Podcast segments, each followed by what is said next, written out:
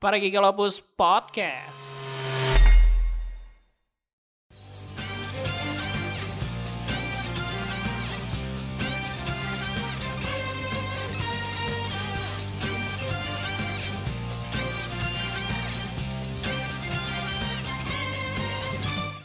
Hey hey hey, selamat datang di Pargi Kalopus Podcast, podcast podcastannya para nerd dan juga geek.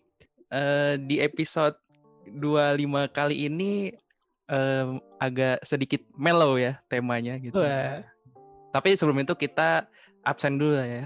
Ada gua Panda, ada Mahmudin, dan juga ada Hojo. yo, what up? Halo, What up? what's up? Hari ini kita kurang satu ya, ada Babang Cupang yang sepertinya sedang tidak enak badan gitu kan. Jadi di episode kali ini Doakan saja lah ya. ya mohon doanya juga semoga tidak kenapa-napa gitu kan. Nah, amin, amin. Soalnya lagi ngeri juga nih sekarang nih. Habis lebaran kan ya seperti tahun lalu lah begitu. Ya kasus lagi naik lah ya. Iya, lagi naik lagi. Semoga penyakit-penyakit ramah ta- remeh temeh lah yang diminumin panadol sembuh gitu kan. amin, sekali. amin. Oke oke. Ya tadi kan gua udah sempat mention ya bahwa minggu apa episode ini di di trigger oleh momen yang cukup menyedihkan gitu ya. Jadi mungkin sekitar tanggal 20-an kemarin kali ya, agak lupa juga pokoknya belum ada Ya seminggu. ketahuannya tanggal segitu sih kayaknya. Heeh, Si tanggal segituan lah. heeh. Jadi eh, seorang mangaka yang sangat influensial ya, yang bernama Kentaro Mi- Miura berpulang gitu, meninggal dunia. Kalau di menurut berita meninggalnya tanggal 6 ya, cuman 6 Mei, cuman baru dibagikan ke halayak ramai itu sekitar tanggal 20-an. Aduh. Ya, kami segenap tim para Gikolopus juga menyatakan bela sungkawa ya atas berpulangnya beliau. Nah, mungkin kalau ada yang belum tahu ya, beliau ini adalah seorang mangaka dari manga yang juga sangat mungkin tidak di kelas main, mainstream ya. Maksudnya kalau fans-fans baru yang datang dari wibu-wibu AOT, wibu-wibu Wibu pandemi, wibu pandemi. Slayer, ibu-ibu pandemi mungkin tidak tahu karya beliau gitu. Tapi kalau Anda tidak termasuk dalam golongan itu gitu, pasti mengenal lah karya yang bernama Berserk gitu. Nah, kepergian beliau ini ja- menjadi sangat berdampak ya karena gue sendiri di Twitter kan banyak follow ilustrator-ilustrator Jepang ya. Nah, itu hampir semua menyatakan rasa kehilangan gitu. Dan tidak hanya itu aja, bahkan Twitter-Twitter lokal ya, kayak kalau nggak salah Rian Adriandi, terus eh, siapa Faza Meong ya kalau nggak salah juga nge-tweet Mhm. Atas apa ya, bela sungkawanya atas kepergian beliau. Nah, kenapa sih sosok beliau ini menjadi sangat eh, apa ya, di, disedihkan kepergiannya dan juga apakah manga Berserk itu ya sebenarnya bukan. Kita mungkin akan menceritakan yang kita ketahui ya tentang manga Berserk. Nah, yang pertama gue lempar dulu ke Mahmudin nih. Manga Berserk tuh apa sih, Din? Kenapa begitu fenomenal gitu? Manganya itu tentang ini apa kayak zaman dia tahun berapa ya? Dia kalau settingnya tuh lupa gue. Medieval Oh gitu. iya, abad Medieval. pertengahan gitu lah ya. Ya, Medieval. medievalnya Eropa lah. Seribu dua ratusan kali ya. Gak tau gue nggak hafal. Mm. Kayak gitulah. Tapi ada fantasi-fantasinya. Jadi eh, lebih ke arah kayak dunia-dunia ada mitologis mitologisnya orang-orang Kristen zaman medieval gitu ya. Iya, iya. Nah ini kayak dia dia menariknya yang buat yang salah satu yang eh artnya tuh keren banget. Abis itu buat gak tau gue susah jelasinnya anjir. Ya? Ya simpelnya mungkin gini sih, apa dark fantasi lah gitu. Ya, ada fantasi. Iya dark fantasy. Abis itu yang eh pedang gede banget tuh kan dia kayak terkenalnya pedang gede banget yang kayak Ban kayaknya Ichigo. kan dulu mah Kan dong, Zan Pakuto. Bukan bukan ban kayaknya Ichigo. Buster Pokoknya Sword ada Out. kayak ya Buster Knockout itu kan kayak yang mulai tren tuh kayak si Guts gitu anjir. Mm-mm. Si apa it was kan ada kayak itunya it was too big to apa too big too thick too heavy and too long gitu. Iya. Itu kayak pedangnya itu kan dari dari Berserk kan yang kayak dia yang mulai trennya gitu. Kalau nggak salah sih dari Berserk nggak tahu kalau yang lain ada. Mm-mm. Setahu gua sih itu. Iya, iya. Ya terus ya kayak inilah deh. Ya nggak tau lah, gue pusing juga jelasinnya. baca lah baca. Oke, jadi kalau yang apa gue kan juga sempat baca-baca tuh ya soal manga Berserk ini dan influensia apa sebagaimana besar pengaruhnya gitu ke pop culture gitu ya nggak cuma Jepang mungkin seluruhan gitu Mm-mm. jadi itu sih dari karak apa pengguna pedang gede banget itu ya yang paling yang kalau yang banyak di quote sih Buster Sword-nya Cloud itu terinspirasi dari eh, Berserk kan manga Berserk ini tahun 89 kan Mhm. Nah, sedangkan Final Fantasy udah tahun 90-an gitu. Terus juga ada apa? Apalagi Hojo selain itu kira-kira. banyak sih ya kalau influence-nya kalau lo main FF14 tuh Hmm. Ada satu apa job gitu yang terinspirasi dari Guts si Guts-nya itu Hmm. gue lupa namanya kalau nggak salah Dark Dark Knight apa Dark apa gitu dan kemarin itu gue lihat di streamingannya ada lah dia main FF14 gue lupa namanya Mm-mm. siapa jadi dia bikin satu komunitas FF14 itu bikin uh, Guard of Honor gitu di sepanjang uh, kotanya gitu dari ujung pintu sampai ujung pintu bener-bener Oh, satu iya, iya. deretan Iya, itu Dark Dark Knight semua gitu Hmm. jelas sih Buat ribut gitu Mantap. ya. iya buat ribut Emang FF14 tuh secara community bagus ya kayaknya. Selalu Iya, rame. komunitinya bagus. Diselamatkan itu dia. Mantap banget. Terus eh sebenarnya nggak cuma yang pernah dia bikin tuh kan nggak cuma Berserk ya. Iya. Ada Gigantomachi Gigantomachia. Gigantomachia apa Gigantomachina gitu. Lu tonton aja itu kayak bukan eh, lu baca aja itu dia artnya lumayan lebih baik daripada si Berserk gitu. Lebih mantep lagi daripada Berserk. Itu short short short series sih jatuhnya. Nggak banyak itu lu baca aja dan karakter utamanya itu katanya jadi si Gigantomachia-nya ya Mm-mm. itu jadi inspirasi eh, musuhnya Boku no Hero dengan nama yang sama Gigantomachia gitu. Oh iya. Iya. Ya dia Kentaro ini terlalu terlalu apa ya? Terlalu terlalu kecil kalau kita cuma bilang dia adalah seorang mangaka gitu. Karena menurut Iya. gue dia seorang artis sih Hmm. terus juga dia tuh sampai masuk ke dunia game juga ya eh, legasinya Mm-mm. karena kalau lo tahu Souls game tuh yang sadis-sadis itulah yang bikin Oh. banting stick lah itu Mm-mm. Dark Soul, Demon Soul, Demon Soul tuh yang pertama series yang pertama Mm. nah itu si yang buat si Hidetaka Miyazaki si penulis ceritanya itu itu kalau misalnya di interview gitu kalau dia kan sering di interview kenapa lu suka banget bikin game gini gini gini nah Hmm. itu dia bilang gue terinspirasi dari karyanya si itu Kentaro. eh, Kentaro, Kentaro Miura, si Berserk. Dan juga kalau yang paling berasa banget ya di game Dark Souls 3. Dark Souls 3 tuh mirip banget, settingnya juga medieval sama terus juga ada senjata yang mirip sama si Bastard Sword-nya si Guts itu. Iya. Tapi kalau ini di, dinamainnya ini doang apa namanya Ultra Great Sword. Seinget gue. Itu bentuknya persis sama banget dah Iya. kalau ini kalau lu nemu terus juga ininya sih jadi tuh penutup dari gamenya ini DLC-nya tuh namanya Ringgit City Mm.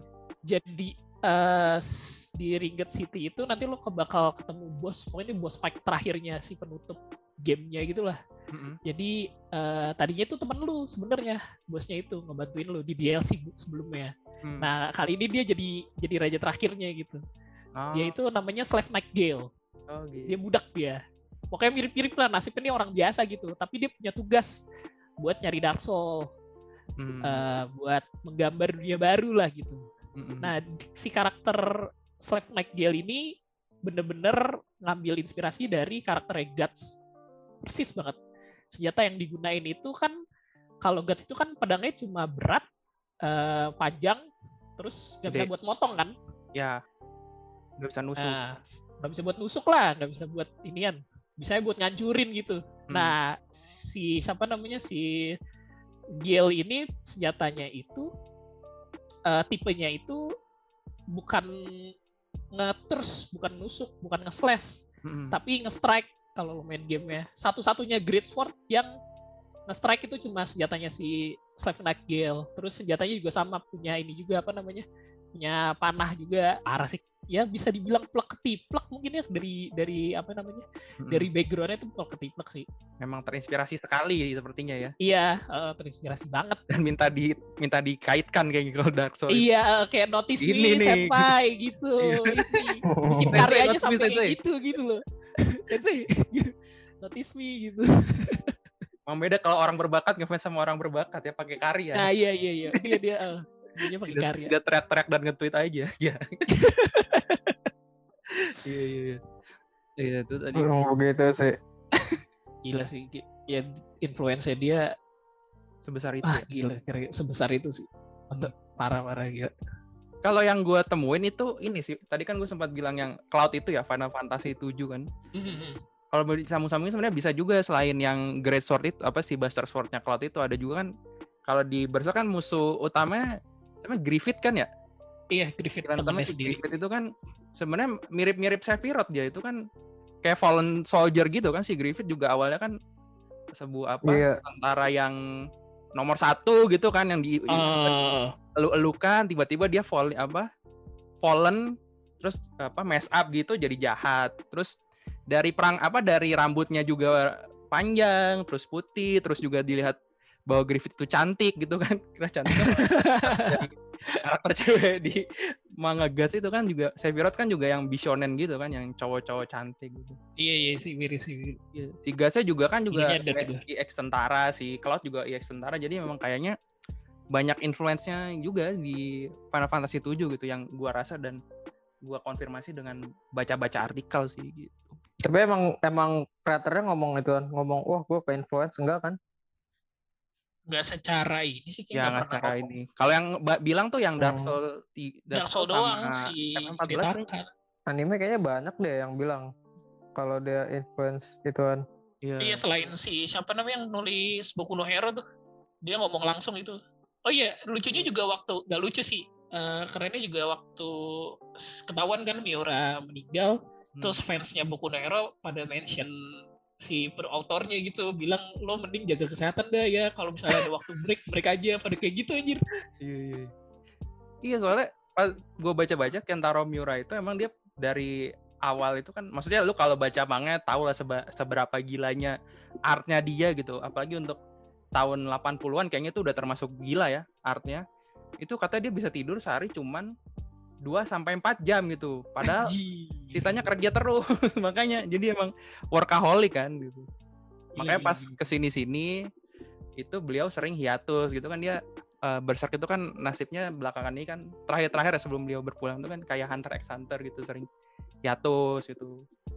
Nah, mungkin itu dampak kesehatannya juga sudah 30 tahun mungkin tidurnya tidak pernah tidur nyenyak gitu. gila ya for forketiknya ngaco ya Ya itu mungkin orang-orang yang meng, apa menginikan hidupnya untuk craftnya dia mungkin memang seperti itu kali. Ya. akhirnya ya dampaknya mungkin terasa juga ke kita kan. Dia banyak menginfluence apa karya-karya lainnya. Bahkan karya-karya lain yang dia influence itu sudah menginfluence lain-lain gitu.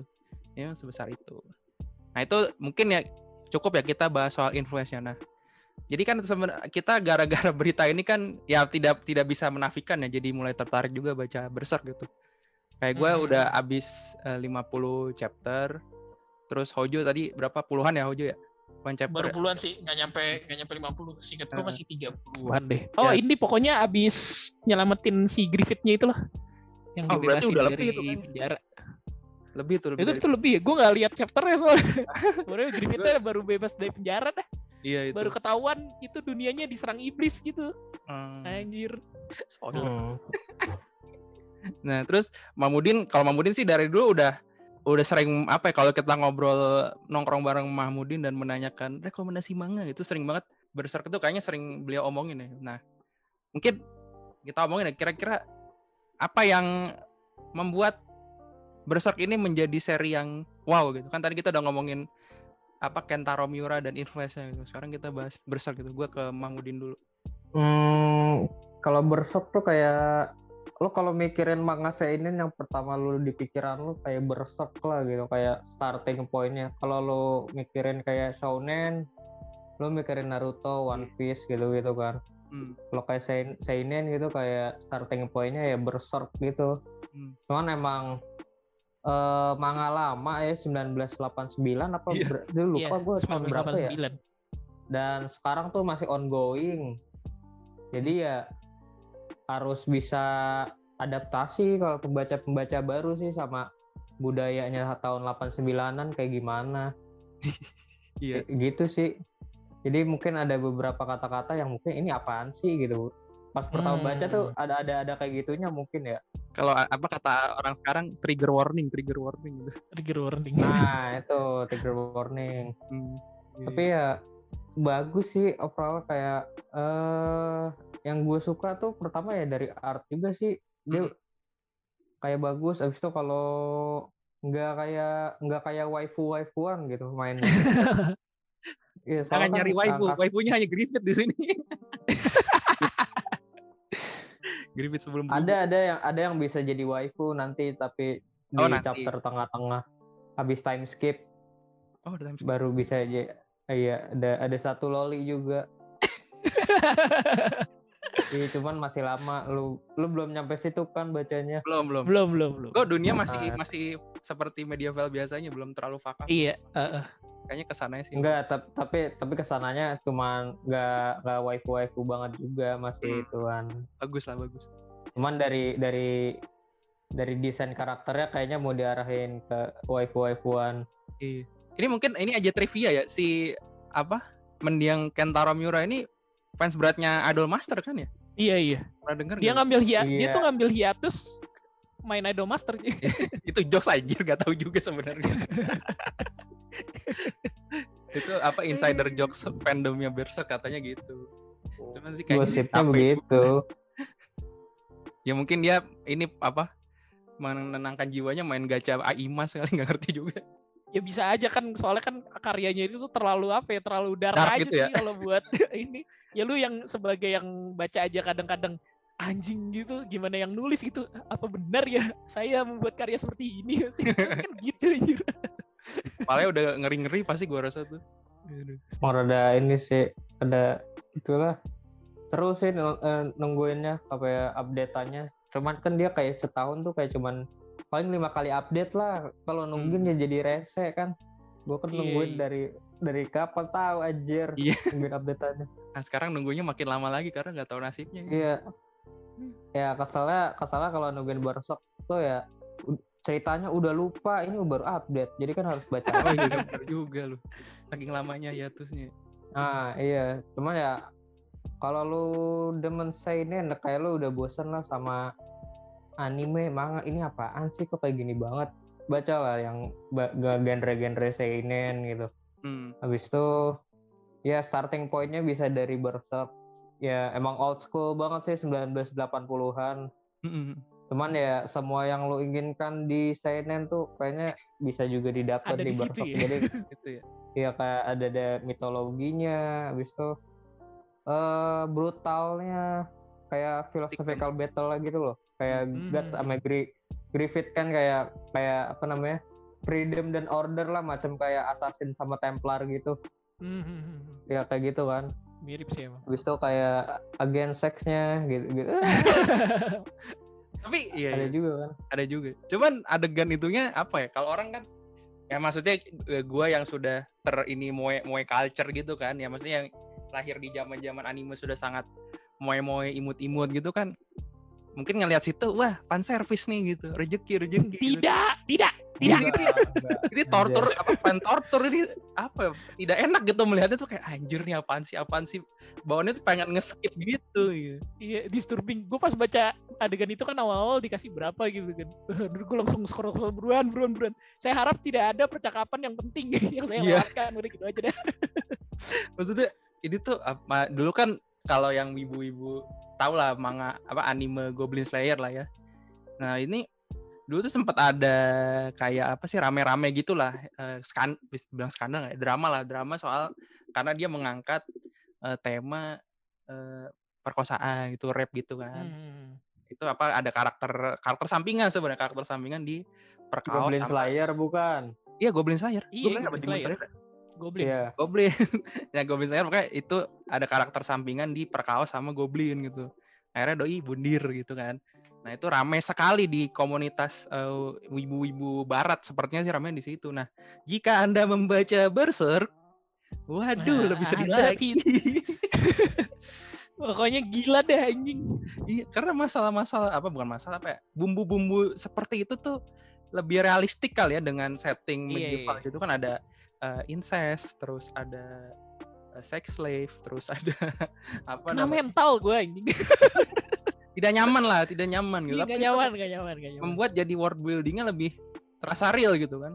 Zaman-zaman medieval kan zaman-zaman kegelapan gitu lah manusianya masih barbar barbar nggak jelas gitu kan. Tapi itu menjadi apa? Menjadi hal yang baru lah ya, bukan yang kita demen yang gitu-gitu gitu. Cuman di dunia anime yang biasanya warna-warni ini ternyata kembali ke yang gelap sekali. Wah, ternyata cukup apa ya? Interesting gitu. Menyiksa batin, menyiksa batin. Sebenarnya. batin. Saya membaca adegan itu, saya, saya harap saya tidak bertemu dengan yang kayak gini di chapter-chapter yang lain. Gak taunya kok, astagfirullah si Griffithnya ternyata, bilang, ah tidak, tidak. Ya, iya.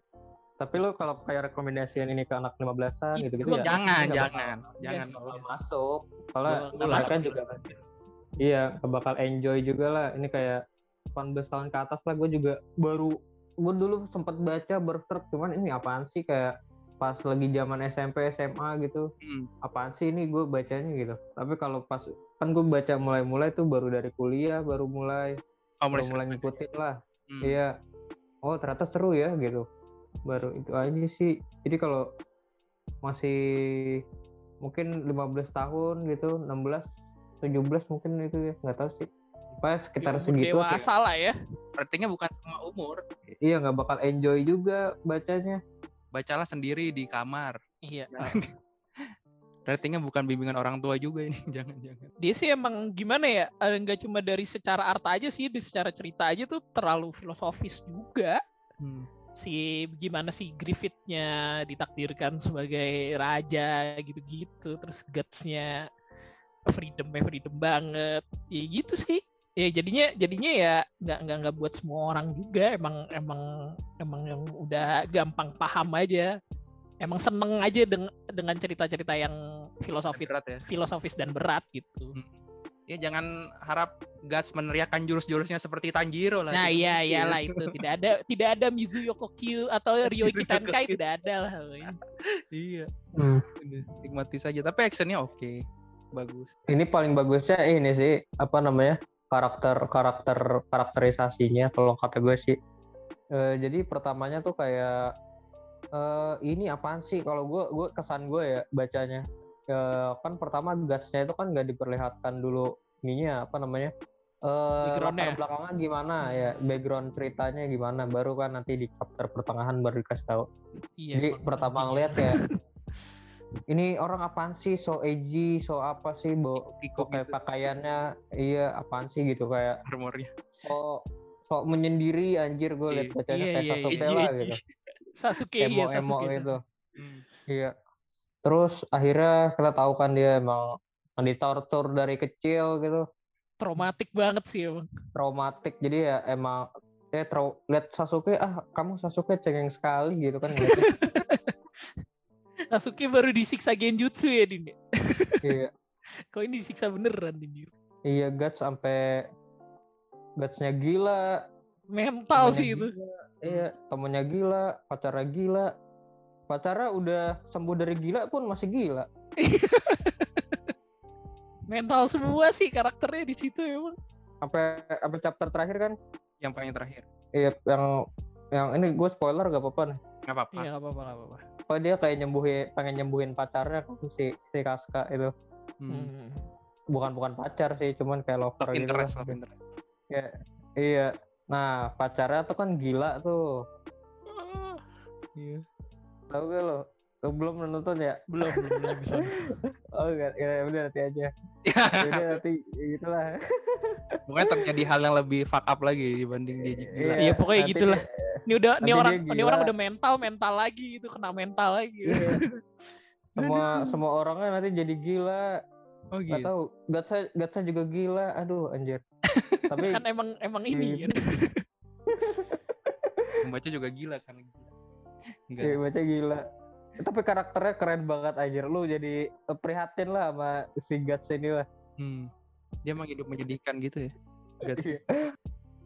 Tapi emang pak parah sih. Gimana ya? Itu parah sih itu parah banget itu.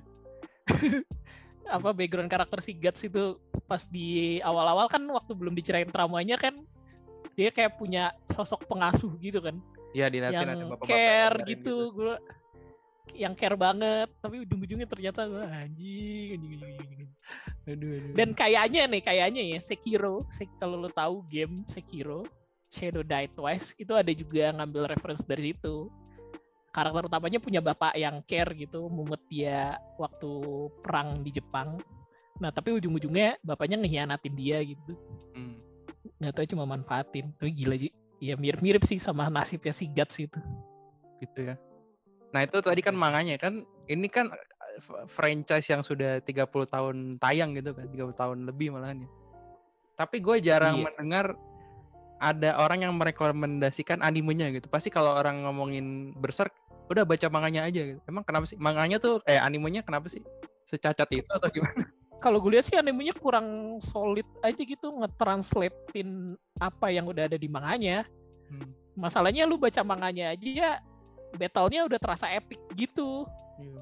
udah seneng sih gue bacanya apalagi waktu yang adegan yang lawan pasukan apa namanya eh, Rhino Purple Rhino tuh Iya iya iya. Ya, iya. eh Holy Holy Purple Rhino itu yang sebelum berantem dia ceramah dulu nggak tahu kalahnya satu kali tebas gue bilang, Iya, iya. anjing ini kayak lama bacot loh kayak gitu Hmm. terus kalau di pas ditranslatein di animenya tuh nggak nggak dapet gitu nggak ternyata nggak nggak sesuai ekspektasi lo kan pengennya kalau udah ditranslatein ke anime berarti eh, battle-nya bakal lebih terasa imersif dong ya Hmm. nggak sih lebih terasa lah tebasannya gimana Iya, terus iya. scoring dan lain sebagainya di animenya rada kurang terus yang versi 2000 berapanya gitu malah malah dibikin 3D Iya iya. iya aneh banget jadinya ya orang males juga kali nontonnya Hmm. Maudin bagaimana Maudin? Seperti Anda punya opini. Dia dia tuh ini yang isi suaranya si Kamen Rider ini, Kamen Rider siapa namanya? Siapa? Kamen Rider siapa? Yang di Oz. Kamen Rider Oz yang yang side side ridernya yang itu pemisah Kamen Rider siapa sih? Bird Kamen Rider Iya, Bird Bert. Yang Kamen Rider yang Bert. Goto. Yang Goto, yang Goto. yang Eh, tua yang, yang, yang tua. tua, yang tua. Oh, Yang tua tuh Goto ya? Date. Oh, Date Date Iya, dia pengisi suaranya yang itu tuh. Yang oh Emang dia ini ya Seiyu ya? Apa nggak tahu buat buat guts doang kali ya? Kalau nggak salah ya. palingan. cocok gak cocok gak? kalau nggak salah eh nggak tahu sih. Cuman ya emang kayaknya nonton baca untuk berserk nonton anime eh nonton animenya. Baca, baca manganya aja sih kayak gak worth it banget itu anjir animenya. Apalagi yang itu kan apa yang 2016 kan ada dua Iya. versi dia. Hmm. ada yang 97 97 cuman ya tahun 80-an banget kan. Eh tahun 90 tahun 90-an banget Mm-mm. 90 tahun 90-nya juga bukan yang terlalu bagus lah gitu. Hmm. Kalau sama yang tahun 2016-an, nah yang 2016 nya dibuat 3D. aduh Tapi males banget itu iya. Ya, jadi kayak gitu kan. Iya. Jadi ya apa sih kok 3D kan dia apalagi mentingin art banget kalau si ini. Iya, apa makanya. Kentaronya Gambar- iya makanya buset ya arsirannya itu loh Nah, detail parah gitu. Iya arahan. makanya tuh jadi pada pada males tuh kalau kayak seinen dibuat anime, wah nanti jadi 3D gitu anjir. kayak ini kayak Kingdom, Iya, Kingdom gitu kan juga. seinen jadi 3D anjir. Iya. Udah bagus juga Kingdom.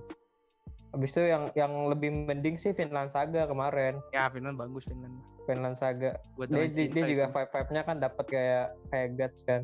Mm-mm. eh kayak berserk ya begitu sih nonton animenya aja lah gitu eh non- nonton baca manganya aja lah Iya daripada animenya aja. Iya kalau apa lihat komunitinya apa diskusinya di komunitas besar gitu fandomnya kayaknya emang mereka tidak pernah menemukan anime yang pas gitu yang berhasil mengadaptasi apa epicnya manganya besar gitu jadi mendingan baca manganya aja gitu kan ya mungkin ini juga yang agak apa jadi barrier buat wibu-wibu baru mungkin kan yang sukanya anime. Cuma kalau mau ada waktu kan manga tuh 300 chapter sih nggak nggak sebu- nggak berbulan-bulan lah gitu. Gua aja Iya hari lah. 50 chapter itu juga bacanya baca baca santai gitu kan. Apalagi sekarang lagi libur jadi bisa baca lebih banyak gitu. jadi saran kami lebih baik dan mungkin mewakili fandomnya Berserk lebih baik baca manganya saja gitu. Jangan jangan nunggu animenya juga belum tahu juga kan ini masih dibicarakan nih nasib franchise Berserk gimana. Ya sudah begitu saja begitu saja teman-teman ya. Jadi sekali lagi kami mengucapkan belasungkawa atas kepergian Kentaro Miura Sensei gitu kan. Terima kasih Betul. sudah Ya, menginfluence banyak karya-karya. Heeh. dan karya-karya yang diinfluence pun sudah menginfluence karya-karya lainnya gitu. karya lain nih iya. Memang sangat luar biasa gitu. Respect banget lah pokoknya. Respect tertinggi lah buat eh, Kentaro Miura. Yaudah, begitu saja teman-teman. Jika ingin berdiskusi bisa langsung follow akun Twitter kita di @pargikolopus. Kalau mau denger episode lainnya bisa langsung ke aplikasi pendengar podcast kalian ya paling biasanya kan Spotify sama Apple Podcast ya langsung saja di @par- eh, di Pargikolopus Podcast. Kami bertiga mengucapkan bye bye. Yo. Bye bye.